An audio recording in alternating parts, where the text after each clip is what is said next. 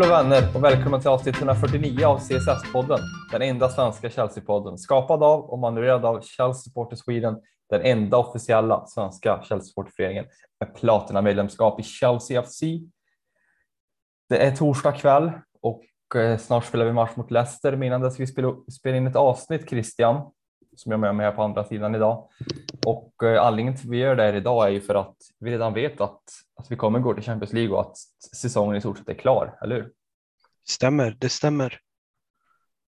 Skönt att vara tillbaka igen. Ja, hur, hur känns det? Det var, det var ett tag sedan du var med nu. Hur känns det att vara tillbaka? Skönt, jag har saknat att vara med. Jag liksom, eh, vi, det här är ju mina terapisessioner, mer eller mindre. Det är ingen annan som orkar höra mig klaga eller jubla. Så du, har mycket, du har mycket på lager nu då, som du vill ta upp och jag antar med tanke på de senaste veckornas resultat och andra händelser att, att det inte bara är positiva saker du har lagrat dig innanför, innanför pannbenet.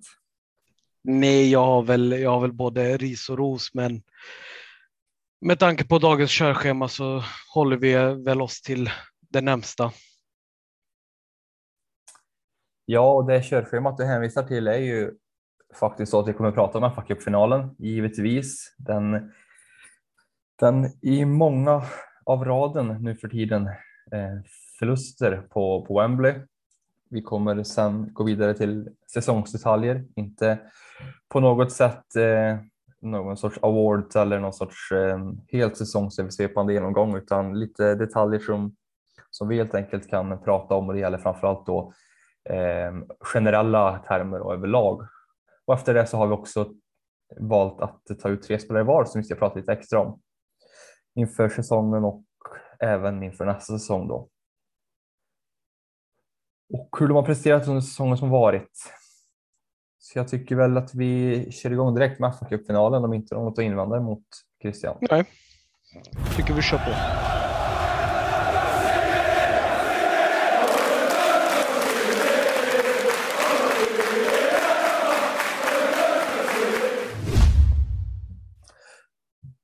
Inte heller år 2022 så blev världens äldsta fotbollsturnering en turnering som avslutades med Chelsea FC som mästare, Christian. Eh, mm. I fjol så mötte vi underdoggen på det fallet, det fallet Leicester och i år var vi underdoggen mot Liverpool och vi lyckades inte vinna någon av de matcherna. Vad, vad, är din, vad, var din, vad är din första tanke så här? Nu har det gått ett tag sedan matchen, men var, när känslorna har landat lite, hur, hur känner du inför, efter matchen? Vemodigt egentligen. Eh, det är väl tredje raka finalen, inhemska finalen som vi förlorar. Eh, sett i FA-cupen förra året, ligacupen i år och då FA-cupen i år igen. Andra gången på straffar mot samma lag.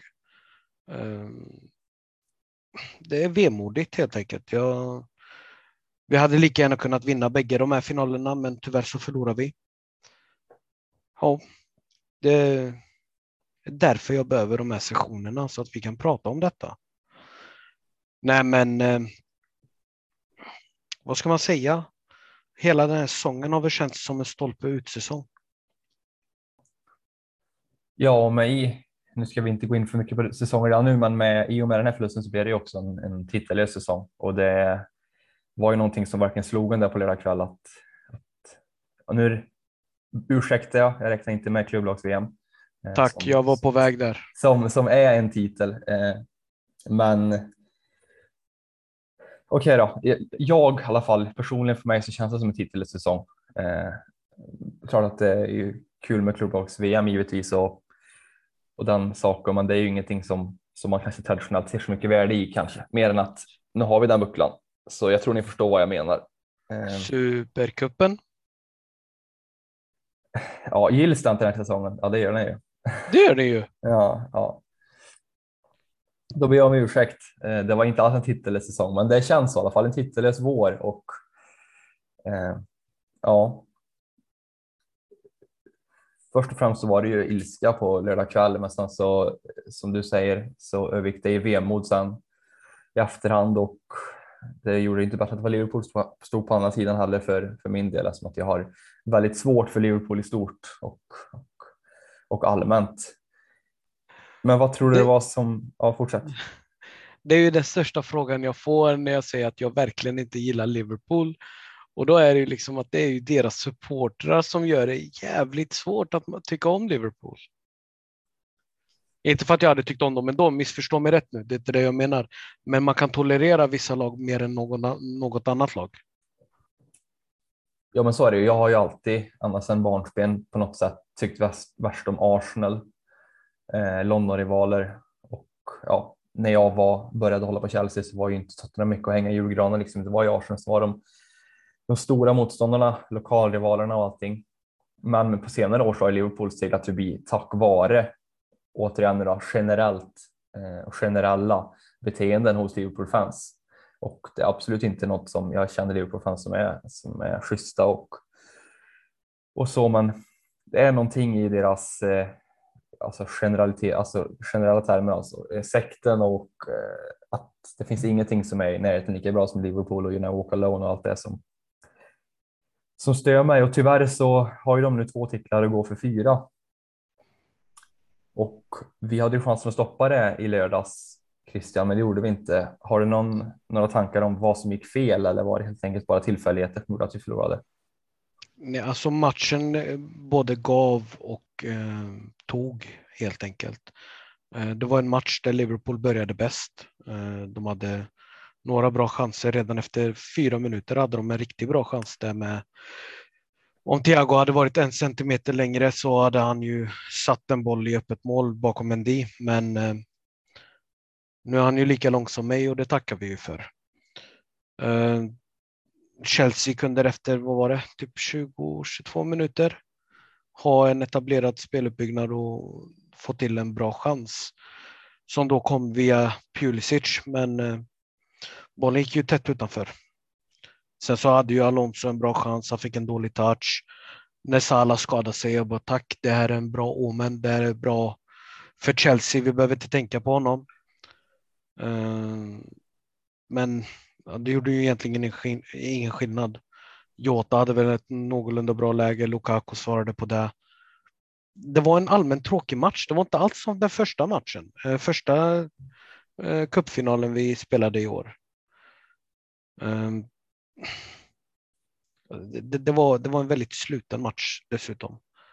Eh, det är inte så mycket att analysera kring det. Det var väl de som fick med sig mest var väl de som vann dessutom. Det var inte mycket mer än så.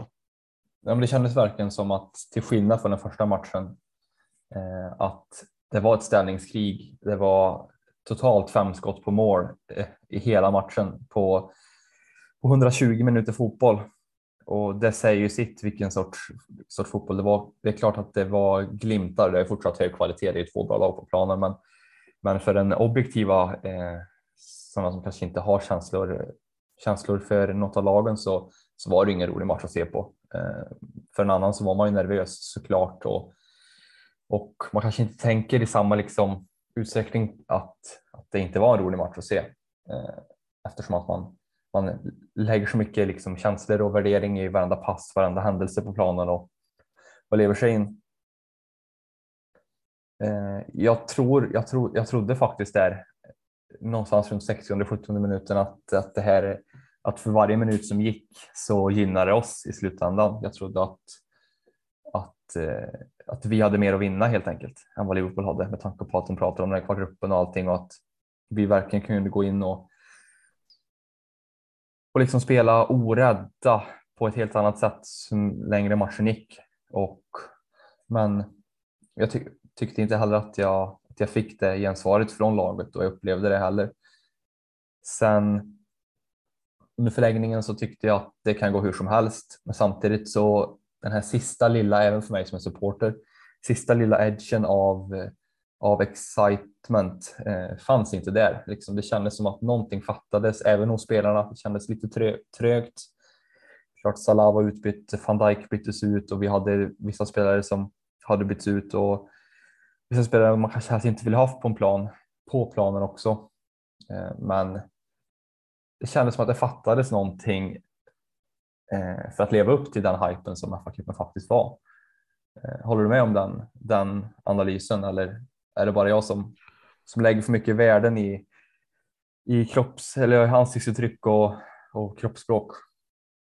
Nej, jag kan väl hålla med eh, i mångt och mycket. Liksom den här edgen har ju saknats sedan efter årsskiftet. Eh, det är ju där våra problem väl började skulle jag vilja tycka och det har ju följt med inför varje match och inför varje, men inför varje omgång. Det har liksom följt med till första mötet med Real Madrid. Vi spelade upp oss.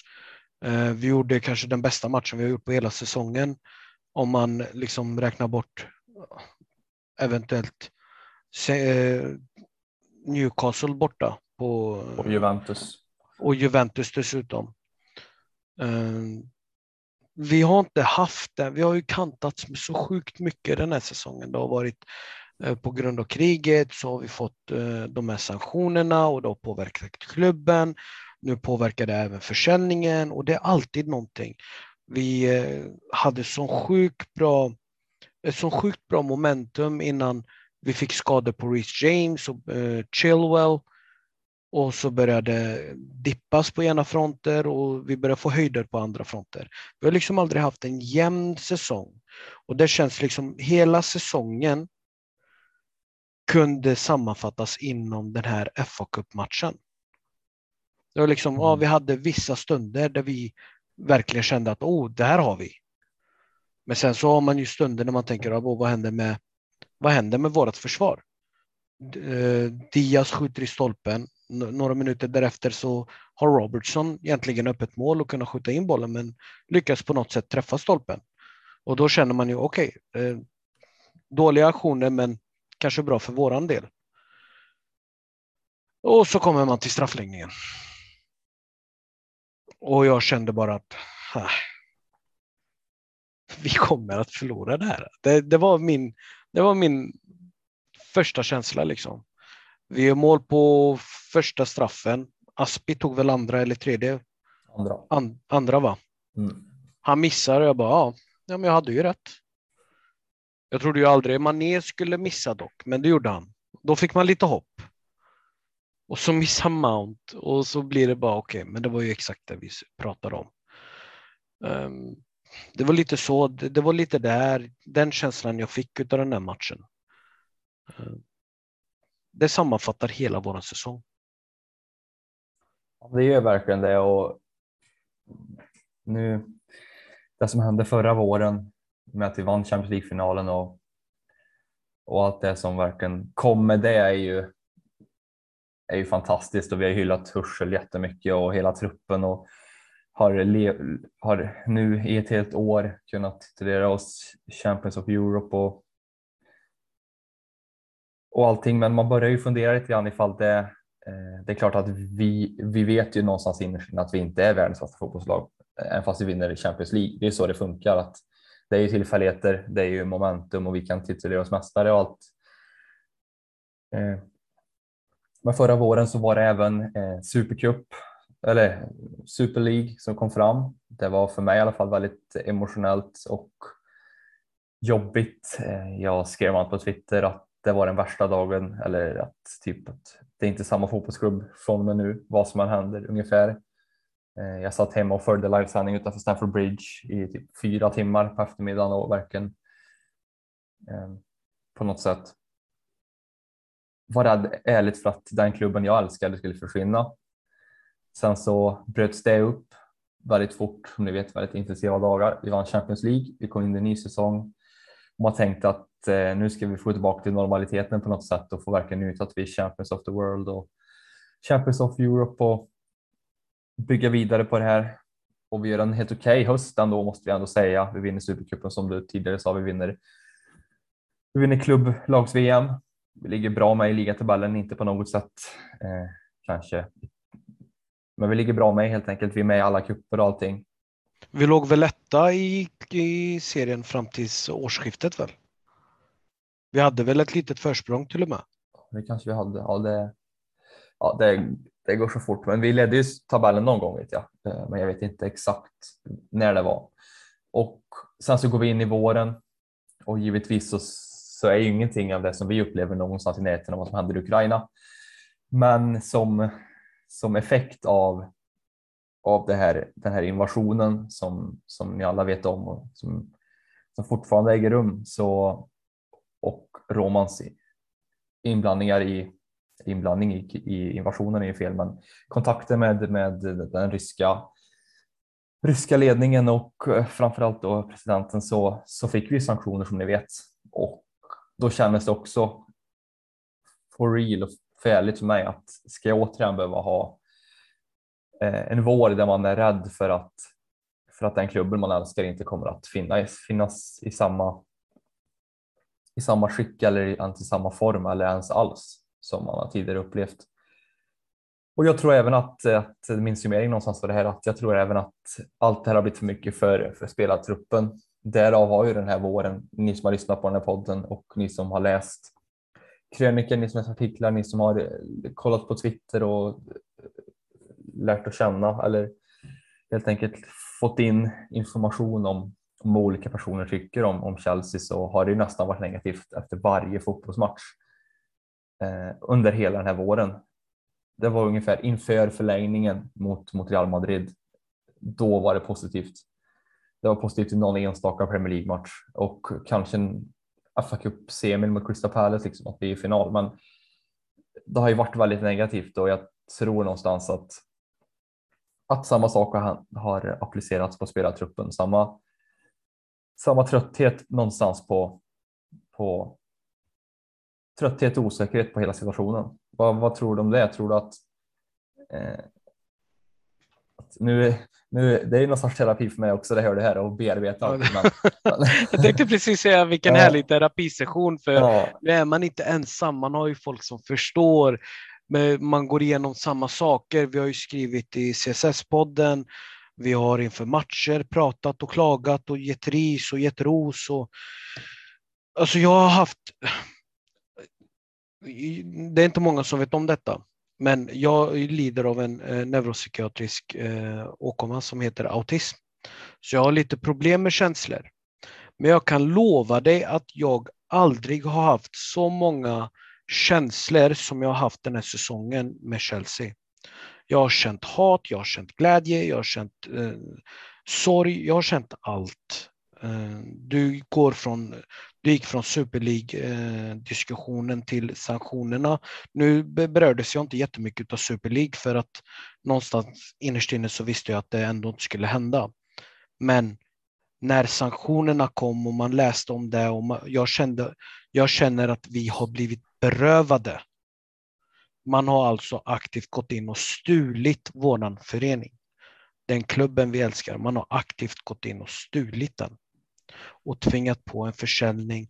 Och nu så är det tydligen problem med försäljningen också för att de vet inte till vilket jävla konto de här pengarna ska komma in i eller vad fan det nu kan vara.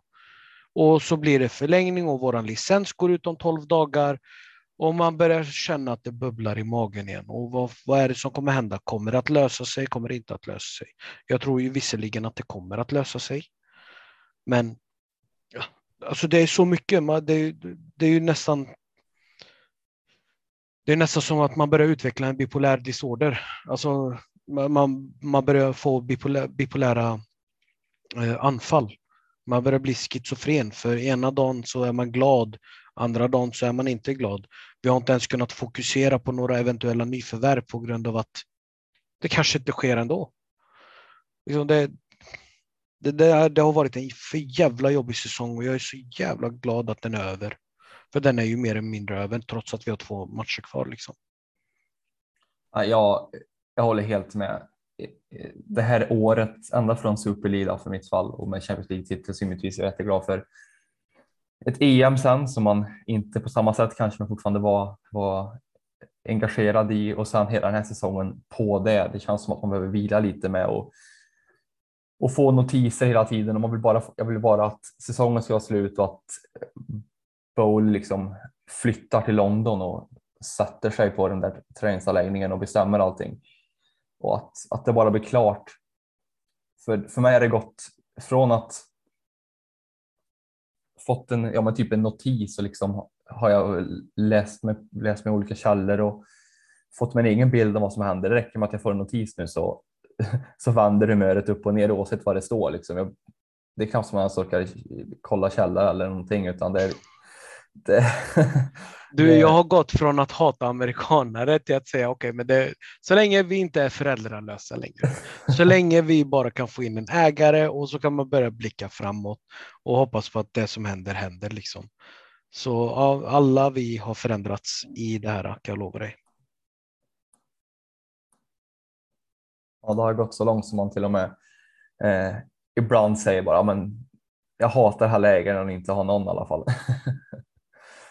Ja. Bara för att det inte det ska låta överdrivet rasistiskt. Jag är gift med en amerikanare så det är ju det. jag vet att det låter väldigt inkonsekvent men jag tycker inte om amerikanska ägare på grund av att allting ska vara så kommersiellt hela tiden. Men nu är jag bara tacksam om vem som helst kommer in. Och så länge vi inte får in eh, ytterligare steg mot den fotbollskultur eller sportkultur som finns i USA Eh, så, så, jag är nöjd. Men eh, risken är väl att det går ditåt och det är redan på väg ditåt. På många sätt tyvärr. Det vet, ser vi bara i Tottenham där de har världens längsta bardisk och skryter om det. Till exempel. Och de amerikanska ägare som ni vet.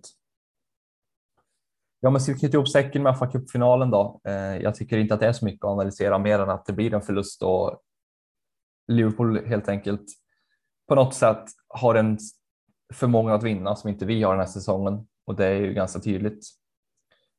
Trots att Salah går av så får de in bra spelare. Eh, Van Dijk går av och så får de in Matip som, som gör det bra. Han gjorde till exempel ett väldigt viktigt mål för dem i veckan här nu i, i kampen om ligatiteln. Eh, och de har en helt, helt otrolig trupp, Liverpool, och där är vi inte än. Och vägen de har fått dit är genom långsiktigt arbete och med amerikanska ägare. Så det kanske är något vi kan hoppas på om sisådär tre, fyra år. Christian, hoppas du att, att vi kan få någon sorts liknande truppdynamik och, och, och, och vad säger man? Eh, ja, men liksom ha, inte följa Liverpool-modellen för vi vill inte bli i närheten av Liverpool eller Klopp, men liksom, du förstår vad jag menar, att vi någonstans kan ta lite inspiration och kanske bygga lite mer långsiktigt. Nej, men jag håller med. Eh, jag tror att Torshäll är rätt man för jobbet. Eh, sen hoppas jag givetvis att detta sker redan till nästa säsong och inte om tre, fyra år. Eh, på grund av min egna mentala hälsa och eh, mentaliteten jag har ärvt via Abramovic att vi alltid ska vara med i toppen och titulera om världens bästa klubb. Ehm, men annars, ja, jag hoppas ju liksom att vi löser allting nu. Ska vi gå vidare och blicka bakåt då på den här säsongen som har gjort att vi sitter där och har ett terapisamtal mitten på maj? Det tycker jag, eh, men jag tycker väl att vi tar det positiva för en gångs skull. Eh, jag har väl gjort mig ganska känd av att ta fram den här motorsågen. Men eh, om vi blickar på det positiva så vill jag gärna vara med. Ja, vi kan väl börja där i alla fall för att se vart det leder. Vi kör.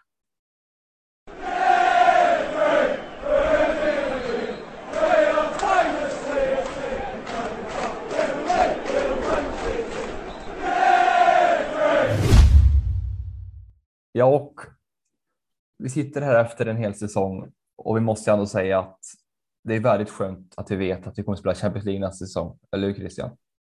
Ja. Det är A och O. Det är liksom där vi kan locka spelare på. Vi kan locka spelare på ambitioner och projekt och även titeldrömmar.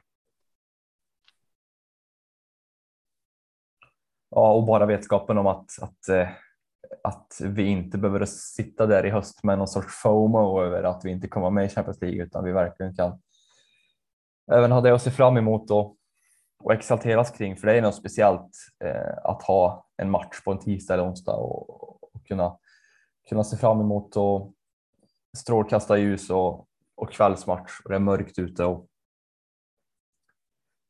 och ha den där drömmen om att, en, att återigen få stå i slutet på maj som, som Champions of Europe. Det är ju någonstans, bara den vetskapen är ju, är ju fantastisk. Vi vet ju bara hur det var i fjol till exempel. Nu hoppas vi för guds skull att Liverpool inte vinner Champions League, men tack vare ett nickmål av Alisson så lyckas de ta den där Champions League-platsen och sen så är de nu i en Champions League-final. Så ja. bara för att man kommer lite längre ner i tabellen, alltså tre eller fyra, så, så är det mycket möjligt att man, att man fortfarande kan stå där, det vet vi om. Och den drömmen är ju någonstans, för mig i alla fall, en stor skillnad vilken, i vilken, vilket mode man går in i inför en, en silly season och en sommarperiod. Är det så även för dig? Ja, det är det. Liksom det man vill ju alltid spela med de bästa mot de bästa i den bästa turneringen. Ehm, så ja, positivt. Topp fyra position. Hade vi slutat tvåa, tre eller fyra så hade det kvittat för mig. Det har liksom ingen betydelse. Så topp fyra fortfarande bedrift. Positivt. Ja, och eh, som sagt, eh, när ni lyssnar på det här så kommer ni redan veta, eller ni kan redan veta att det kan vara klart att vi kommer att bli trea. Men för mig spelar det absolut ingen roll om det blir tre eller fyra, mer än att det är klart det är skönt att vara bästa lag i London. Men eh, jag anser inte att, att den lilla prestigekampen är ingenting man kommer ihåg ändå om ett år. Jag minns knappt om det blev tre eller fyra i fjol, vi gick Champions League i alla fall. Så, och vann. ja, och, och vann Champions League, precis. Men Eh, vi säkrade även innan Champions League minns jag i fjol. Ja. Tack vare Gareth Bale till slut. Ja just det, det stämmer ju. Ja, avgörande matchen. Vi lyckades inte att, att vinna mot Aston Villa. Vi vek ju verkligen ner oss och så Gareth Bale var det väl som som sänkte. Nu har jag till och med glömt vilka var han sänkte, men eh, det ja, var men... något lag i alla fall. Det måste ha varit Ars United då, eller Arsenal. Jag kommer inte ihåg, men jag kommer ihåg nu att det var Gareth Bale som säkrade det där åt oss. Mot Leicester, var det inte så? Jag kommer ärligt inte ihåg. Det är som du sa. det var ju, City vann ju United 2, Liverpool 3 och vi 4, så då måste ju Tottenham ha sänkt Leicester, va? tror jag. Ja, ja, ja vi säger det i alla fall, att, ja. att det var så. Eh. Men en tredje plats som det med största sannolikhet kommer bli och två stycken finaler. Lite kort, vad sätter du för betyg på det eller kan man bara skriva mellanår över det? Jag skulle sätta, trots våra förutsättningar, trots allting som hade hänt, sanktionerna på klubben räddar faktiskt betyget med tanke på all eh, uppförsbacke vi har haft att jobba med.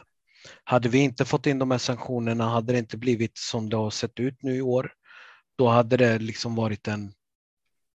Ja, nu är jag, nu, när jag gick i skolan så hade man GVG, MVG. Jag skulle sätta en svag godkänd säsong. Men nu så skulle jag ändå sätta en lite starkare godkänd. Två titlar, Champions League. Ehm, det, det, är en, det är en fullt godkänd säsong skulle jag säga. Så i, i nutidens betygssystem skulle det alltså vara D? Ja, det har jag ingen aning om. Jag är lite för gammal för sånt. okay, ja, jag, jag, jag, jag, litar, jag litar på det om du säger att det är det. Ja, vi kör på G+. ja, men jag håller med och det någonstans så. Vad säger du? Ja, men sett i förutsättningar med tanke på säsongen och och med tanke på hur man har mått som Chelsea-fan. Om man går tillbaka och liksom och till minst alla dåliga resultat och det är ju liksom man kan nästan räkna på en hand matcher som man är riktigt nöjd med och, och verkligen kan liksom vara satisfied med spelet någonstans så ska vi vara jättenöjda med att eh, att det har gått till två cupfinaler som vi tyvärr inte vann så de spelar ju i stort ingen roll nu och ja och eh, säkra Champions League. Eh, sen så att vi vinner, att vi vinner klubblags-VM är givetvis en bonus, men det är ju någonting vi ska göra också med tanke på det motståndet vi har där. Så ja, jag håller med att, att godkänt, mer än så är det inte. Eh, och eh, det är också en sån, ett sånt godkänt som kan vara godkänt för en säsong. Men ifall det, ifall det återupprepas en säsong så är det inte godkänt. Med, nej, nej med, eh, beroende på förutsättningar med ägare och allting då givetvis. Men i en längre period så, så är det inte godkänt för då blir vi ett Arsenal och det, det vill vi inte bli. Så, så, så kan jag väl summera det någonstans. Men där tycker jag att vi, eh, det kommer givetvis komma en mer säsongssummerande eh, avsnitt i, i, lite större utsträckning, lite mer på detaljnivå senare. Eh, som ni kanske har märkt så är det ju lite mer känslostyrt och, och öppet generellt tyckande av mig och Christian idag och jag hoppas att det, även det kommer att, kommer att eh, komma till nöje för er. Jag tror också att ni på många sätt håller med i det vi säger. Så, så, så vi tror att eh, det helt enkelt att eh, det kommer bli bra så.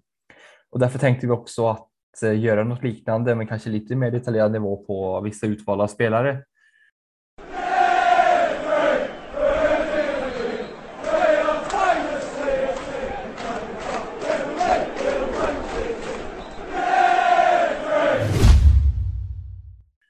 Och nu är det ju så Christian att vi vet inte vilka vi har valt själva, så det kan ju vara så att vi har valt samma eh, spelare vi har valt att ta upp. Men det är i alla fall tre var som vi har valt att, att prata lite extra om och det kan vara både den här säsongen som varit och inför nästa säsong. Så jag tänkte väl att om du vill kan du börja med, med ett namn ifall du, så, så tar vi det därifrån. Jag tänkte att jag kör en motivering så får du väl eh, gissa på vem det är. Den första är väldigt enkel och jag tror även att du kommer kunna den sista. Men om jag sätter igång, jag har rosat två spelare och gett eh, lite ris till en tredje för säsongen som har varit. Och då lyder min motivering så här.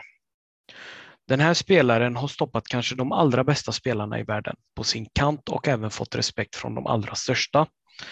Han har, han har kantats med skador och fått stötta laget från en mittbacksposition och har då givetvis inte samma statistik som Trent Alexander-Arnold. Men här tittar vi bortom statistik. Är han världens bästa på sin position? För enligt mig så är han det.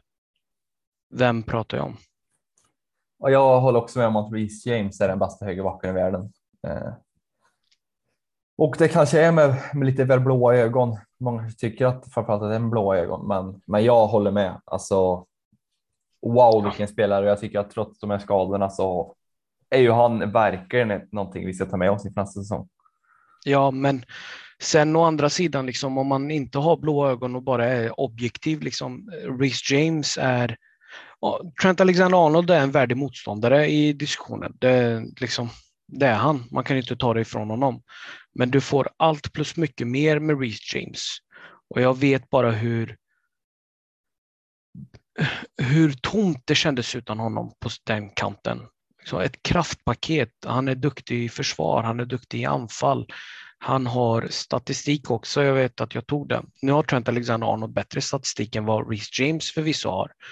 Men Eden Hazard hade inte heller världens bästa statistik bortsett från uh, lyckade dribblingar. Uh, och det säger ju egentligen inte mycket. Och, Men, och, och kolla vilka spelare Alexander Arnold har på det fram som man kan leverera bollar till också.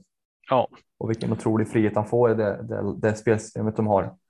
Så, så är det ju väldigt förståeligt också. Sen så tycker jag att, att Alexander Arnold har eh, det enda som han trumfar Reece James i är ju hans fot skulle jag säga. Eh, och då har James en bra fot, men jag tycker att Alexander Arnold är något extraordinärt för att vara ytterback.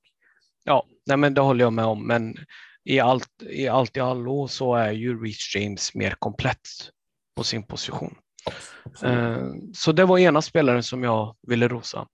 Sen så har vi en spelare som eh, vars motivering lyder så här. Han har spelat mittback, wingback, defensiv mittfältare, offensiv mittfältare och inte allt så länge sedan fick han även hoppa in som anfallare. Han har bra speed för sin storlek och bra bollkontroll. Lägg där till hans styrka så har man faktiskt en spelare alla tränare drömmer om. Hur denna spelare inte har startat är mer, än, eh, är mer bortom min förmåga att begripa andras handlingar. Har han haft dåliga matcher? Ja, det har han. Men vem har inte det? Vem pratar jag om då? Ja, det här var svårare. Ehm, jag tänkte ju givetvis först på Aspilicueta som har levererat på många positioner, men forward har inte Aspi varit. Eh, och jag vet ju en person som avslutade en match som nia här på våren, så jag får väl gissa på Loftus Cheek. Ding, ding, ding, ding. Helt rätt. Um, Loftus Cheek är ju han är inte alls i närheten av att vara en startspelare emellanåt. Uh, eh, han är inte i närheten på att vara den där superstjärnan som uh, alla tränare pratar om. Men han är så, han har en versatility, alltså han är tillgänglig på så många positioner. Han har en fysik som kallas stuga. Han är smart, han är stark och när han bryter igenom. Jag fattar inte varför vi inte använder honom mycket mer. Eh, han har växt väldigt mycket, han har haft väldigt bra matcher. Eh, ja, som jag nämnde i min motivering, han har också haft dåliga matcher, men liksom i det här Chelsea som vi har idag, vem har inte det? Nej, men så är det ju. Eh, jag vet inte riktigt om jag håller med riktigt i, alltså sett till förutsättningar återigen och allting så tycker jag att Kik gjort en bra säsong. Eh, och absolut så ska han vara med som en truppspelare, men jag ser inte heller att det är någonting som, som vi lever och dör för, inte på något samma sätt som, som en rad andra spelare. Jag skulle nog faktiskt, det finns det faktiskt en 10 15 spelare skulle kunna välja för, eller inte 15, man får 10 spelare skulle kunna välja före Loftus Cheek. Om vi fick välja vilka som var tvungna att vara kvar. Mm. Och då tycker jag ändå om Loftus Cheek väldigt mycket för han är egen produkt och, och en av de första ifrån Cobham liksom. Så, men ja. I mångt och mycket, absolut. Jag kan väl hålla med till, i vissa saker och jag håller mindre med i andra saker. Har vi en sån eh, duktig spelare så tycker jag att han förtjänar chansen över många andra. Och det är absolut inte en spelare vi ska göra oss av med. Men, men det var min åsikt. Som jag hoppas att jag har eh, rätt till i den här podden. Ja, det, det vet jag att du har.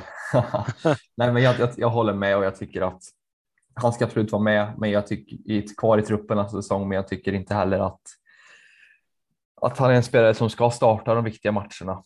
Eh, men eh, nu när vi kommer ju in på det senare i, under våren här kanske, men vet jag att det kommer in en spelare som heter Conor Gallagher som för mig ska ha en plats i en startelva. Och jag tycker inte att Loftus Cheek är den som ska ut ur den truppen som i alla fall Gallagher ska in i, utan det finns andra personer som ska flytta på sig före. Så kan jag ja. säga om Loftus Cheek. Eh, men det är inte heller han som jag tror kommer att kommer att, eh, att lyfta ytterligare en nivå utan som truppspelare så tycker jag att Loftus Cheek är optimal. Eh, på, ja, på många sätt. Eh, Däremot så, så, så mycket som vi har liksom gett andra spelare chansen och de har misslyckats in och ut. Tänk om man skulle ge Loftus Cheek typ tio matcher där han startar och verkligen får växa in i rollen. Mm. Um, nu vet jag att det aldrig kommer hända, men det, det, vore, det vore önsketänkande för han är riktigt bra att ha. Hur hade det sett om vi köpt Loftus Cheek för 30 eh, miljoner pund? Då hade han fått de chanserna. Så, så kan jag säga. Ja, det, det, kan jag väl hålla med om. Det är lite skevt att det behöver vara så. Eh, men ändå. Ja. Och så kommer vi in i min tredje spelare. Eh, som den här spelaren vill jag fan ge jävligt mycket ris till. Och tänk då att jag har många spelare att välja mellan. Sar, Lukaku, Saul, Pulisic, Ziyech emellanåt, Werner ibland, till och med våran älskade Kanté ibland. Men det finns en spelare som går mig på nerverna mer än någon annan. Den här spelaren ska vara våran spelfördelare, våran kreatör, vår motor. Men med segt spel, onödigt många touch, för fegt spel för få genomskärare och för många misstag så får den här spelaren smaka på min bitterhet. Vem är det jag har reagerat på kanske mest den här säsongen? Ja, du har ju gjort det ganska lätt för mig och för lyssnarna kanske med dina, dina motiv motivationer här. För ja, det är klart att det är Forginio som du, som du pratar om och jag instämmer bara helt i i det du säger och för mig, för min del så skulle det inte göra jättemycket ifall den tredje bästa fotbollsspelaren i världen lämnar Chelsea i, i, i sommar nu. Han har verkligen inte levt upp till den titeln kan jag lova dig. Det, det, jag tror inte det är många lag som, sätter, som blir skrämda när de ser hans namn i eh, start. Eh, ja visst, det är väl jättebra att han är jätteduktig i de matcher där allting fungerar för oss, men liksom du skulle kunna sätta in Ross Barkley i den positionen och han hade gjort det lika bra. Um, nej, alltså det, det, för mig jättedålig säsong. Jag tycker, jag, han har haft en bra säsong på alla säsonger han har spelat för oss tycker jag. Uh, ja, alltså jag skulle till och med kunna ta ner det till en bra vår. Ja, mycket möjligt det också. Liksom. Och en sommar jag, sen då i, i Italien. Ja, jag, jag säger inte emot. Det, det låter till och med bättre. Så det var mina tre spelare i alla fall som jag ville lyfta upp lite här i podden. Jag tycker att vi ska säga något mer om Jorginho mer än du vill att han ska lämna eller? Ja, ja, det är bara, det är bara att gå. Donera honom. Ja, det känns nej, som att... nej, för guds skull nej. vi, vi, vi tar gärna pengar. Vi ja, behöver alltså, pengar nu. Vad, vad säger de att, att Jorginho kommer, han kommer hamna i Arsenal? Eller, eller Atletico Madrid? Och drar han till Arsenal och gör det bra där, alltså då, då har jag en... Då, då, då börjar det bli personligt. Då blir det jävligt personligt. Drar han till Atletico Madrid, ja, deras låga försvarsspel och Cholos eh, spelidé kanske funkar. Eller om han går tillbaka och, och är med Sarri liksom. Eh, bara han inte är kvar hos oss, för han, enligt mig i alla fall, passar han inte. Han passar inte in hos oss. Nej, jag, jag köper det. Samtidigt så kan jag se en verklighet där Foginho finns med bland eh, fyra eller fem mittfältsalternativ i, i höst och jag är helt fine med det. Mm, men samtidigt så vet jag ju att, att jag tror också det kommer bli så tyvärr eftersom att vi har andra platser vi behöver förbättra på. Och jag tror inte att, eh, att jag tror att vi kommer att ha mittfältsuppställning nästa säsong med, med de fyra alternativen primärt på centralt mittfält. Så. Jag hoppas inte det, men eh, blir det så så må, må fallet vara så bara det funkar. Bara Kovacic och Kanté startar så. ja. ja. ja nu, nu, har inte jag gjort sådana här motiveringar som du har gjort, eh, tyvärr. Och jag har också eh, så som man kanske kan förstå med tanke på vad jag, hör, vad jag tidigare sagt om säsongen också valt att tre spelare som ska få lite ris eller inte så lite ris heller. Eh, kanske. Fan, är det ombytta roller eller vad, ja, vad är det? Nej, men jag, jag, är, jag är i naturen pessimist till, till det mesta. Eh, I alla fall, i alla fall till Chelsea. Ja. Så. Och jag kan väl ta lite motivering och på den första spelaren i alla fall. Se om du kan gissa rätt. Eh, han som skulle ta oss till nya höjder och Lukaku. Eh, klubbens dyraste värvning någonsin. Ja. det rätt. Vad, vad tycker du om Lukaku? Eh, fiaskosäsong givetvis. Eh, nu har han gjort tre mål på två matcher här i, och varit med och bidragit till att vi säger den här Champions League-platsen till slut och på något sätt sett lite motiverad ut. Men inget där räddar ju att han faktiskt har varit undermålig en hel säsong jag har alltid tyckt om Lukaku och det är liksom, jag alltid, han har alltid haft ett, eh, en speciell plats i mitt hjärta sedan han var 16 år gammal. Eh, dels för att han, eh, han hade ju en, han hade en dokumentär med sin skola där de åkte till London. Han besökte Stamford Bridge och sa till sin lärare liksom att en dag så ska jag spela här och hans favoritspelare är Didier Drogba och han har varit Chelsea-fan through and through. Liksom eh, fram tills den här jävla bedrövliga intervjun. Men eh, jag kan tycka om honom hur mycket som helst. Presterar han inte för mitt Chelsea så bör han inte vara där. Han bör inte starta. Jag blir jätteglad. Jag jublar när han gör mål. Eh, men jag blir minst lika arg när han är totalt osynlig och inte får foten ur arslet. Liksom. Ehm, inte en favorit den här säsongen. Och gud vad jag hade mina förhoppningar efter den där Arsenal-matchen i början, in, inledningen av säsongen. Liksom.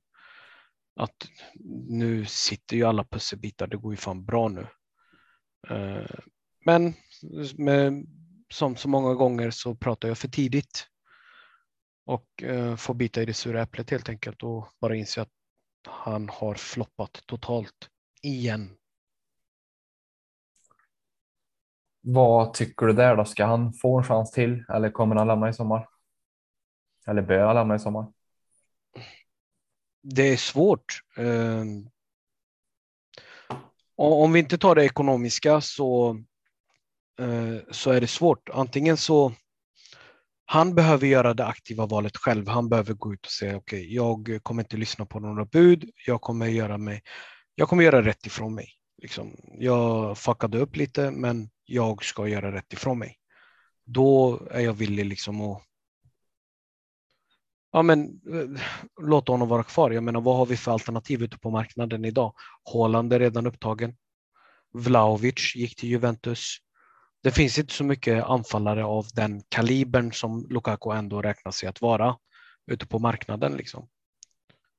Sen suger det röv att Haaland kostade 60 miljoner medan vi pröjsade 115 för Lukaku. Liksom. Jag hade hellre haft en Haaland i så fall. Ja, det var väl lönestrukturen där som gjorde att, att det inte blev Haaland. Tanke på att hans lön skulle göra så att hela Chelsea behövde och omorganisera lönestrukturen. Var det inte så? Tror jag. Jag har ingen aning förra, om vad det är. Sommar. Jag tror inte att pengar hade varit ett problem dock. Jag tror att eh, de hade löst det på ett sätt, men sett till förutsättningarna, sett till vad som finns där ute jag tror inte Werner kommer vara den som bär oss. Jag tror inte Havertz är där ännu. Trots att han har gjort en, frukt, han har gjort en fin säsong eh, vill jag ändå tycka Havertz.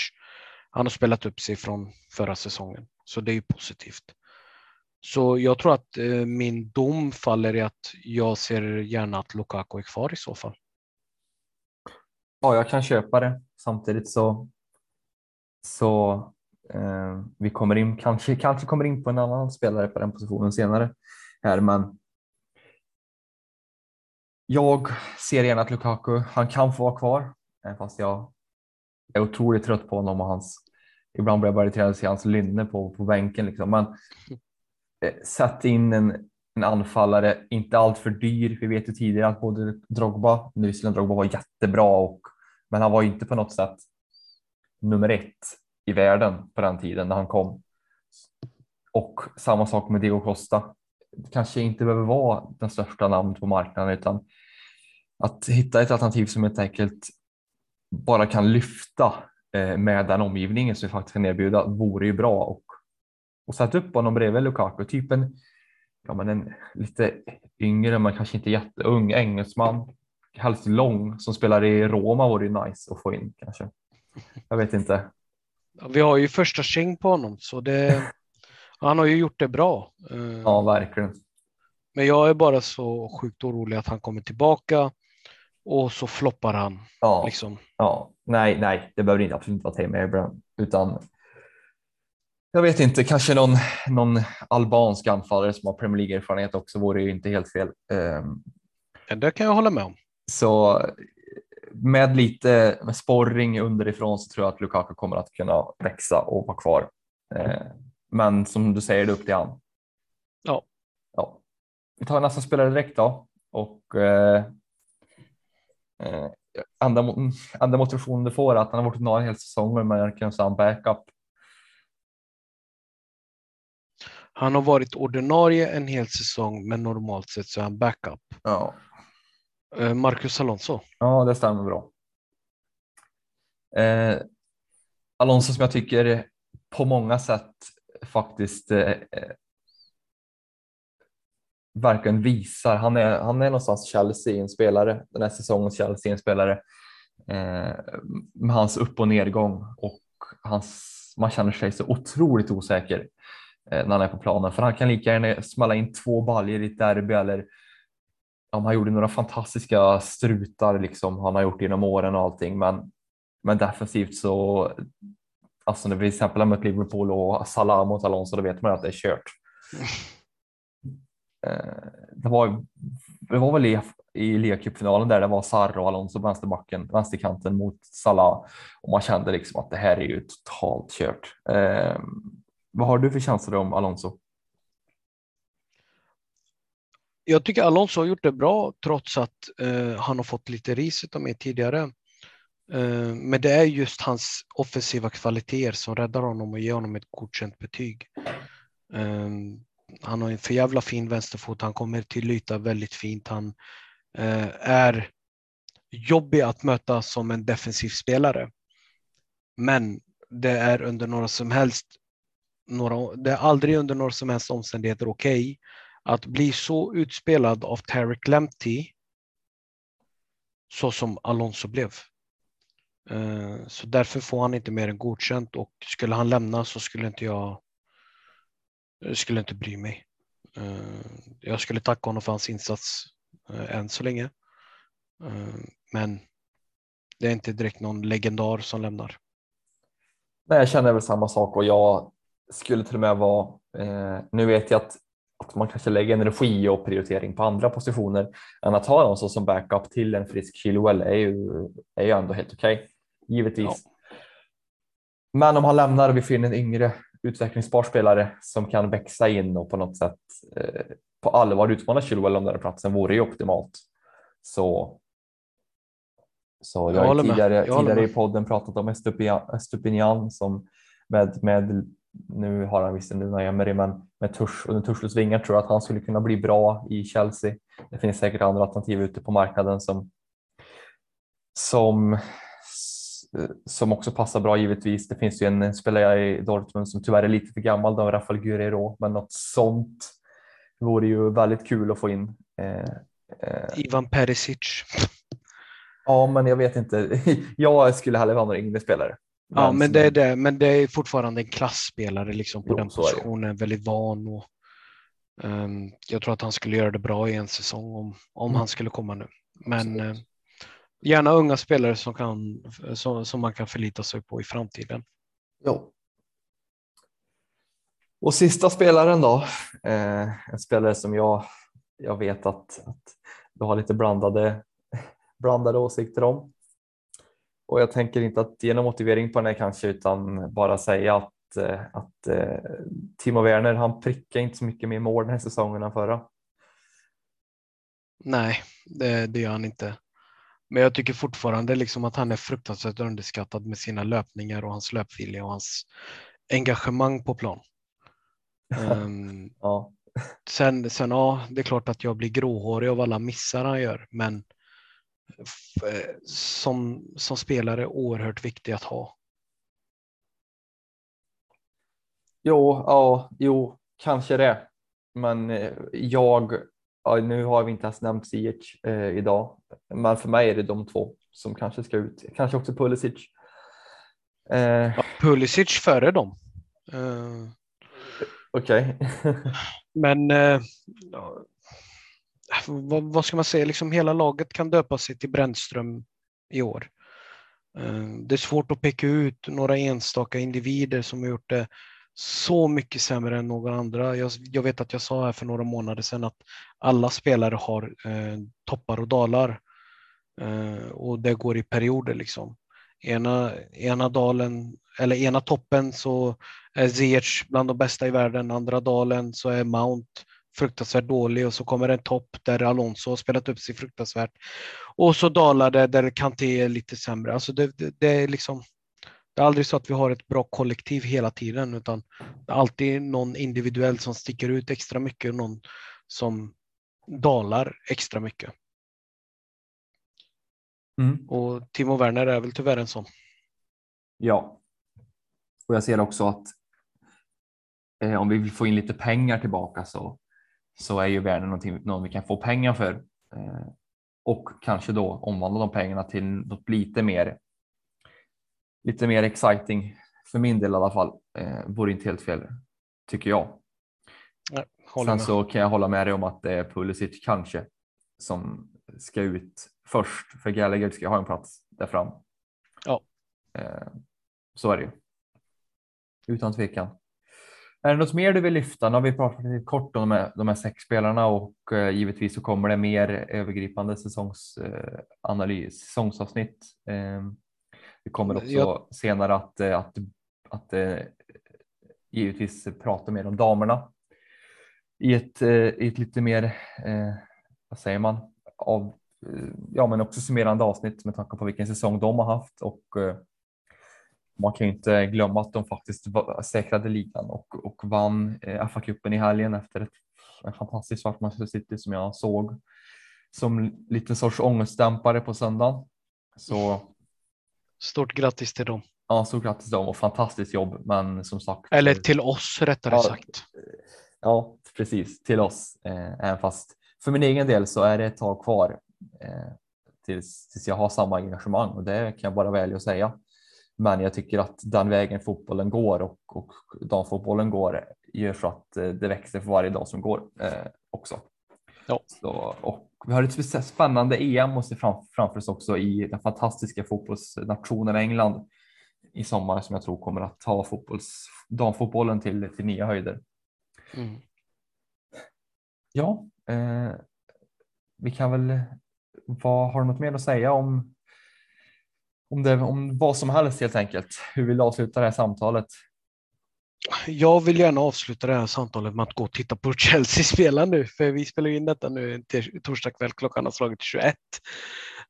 Eh, Så min, min, min fo- du kommer tyvärr inte få min eh, hundraprocentiga fokus just nu. Eh, Men då- jag är väldigt nöjd över eh, det här avsnittet och jag är väldigt glad över att få vara med igen.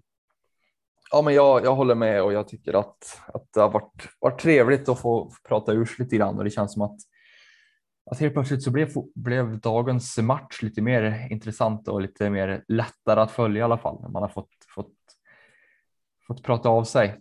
Och jag hoppas Ja, också men- att, att, att ni som lyssnar kan, kan gå in med samma inställning nu inför, inför avslutningen av säsongen. Nu kommer ni lyssna på det här då med en match kvar av säsongen. Och att ägaren ska bli klar och allt som, som komma skall så hoppas jag att det kan, att det kan bidra till lite mer lättja inför, inför avslutningen av, av både det akademiska och det sportsliga. Mm. Ja, och jag vill påminna er alla också att, att följa oss på våra sociala medier. Det är sportföreningen Chelsea Sport Sweden som står bakom den här podden. Och som ni vet så behöver man inte vara medlem för att ta del av vårt ideella arbete. Men man kan, om man vill så får man gärna stötta oss genom att följa oss på våra sociala medier och, och även dela eller gilla det vi gör. På Instagram heter vi Chelsea official och på Twitter heter vi att Chelsea SV. Och personligen på Twitter så heter jag att berginför99 och Christian heter att Christian. Jag rekommenderar också er att följa oss på Svenska fans och webbadressen är www.svenskafans.com Chelsea där man kan läsa artiklar, matchrapporter och kröniker bland annat Eh, och få all information som, som stundar nu inför det kommande ägarbytet och, och den senaste informationen helt enkelt om vad som händer där ute om vår kära klubb. Och jag rekommenderar också um, givetvis att ni ska bli medlem i CSS-poddgruppen på Facebook där vi bland annat eh, diskuterar, ja, som tidigare nämnt, ägare, men också spelartrupper, matchtrupper och, och annat som händer eh, kring, kring vår, vår klubb och helt enkelt på något sätt också kan, kan ha lite, lite terapi och, och diskutera matcher och, och händelser i stort. Och jag vill avsluta med att tacka dig Christian för din medverkan i dagens podd. Och jag vill passa på att tacka dig för att du tog med mig i dagens podd. Nu får du njuta av kvällen och, och av matchen så, så hörs vi igen. Jag önskar samma för dig. Det gör vi. Och till alla som lyssnat, ett stort tack. Njut av helgen och njut av den sista omgången på söndag. Carefree och Chelsea.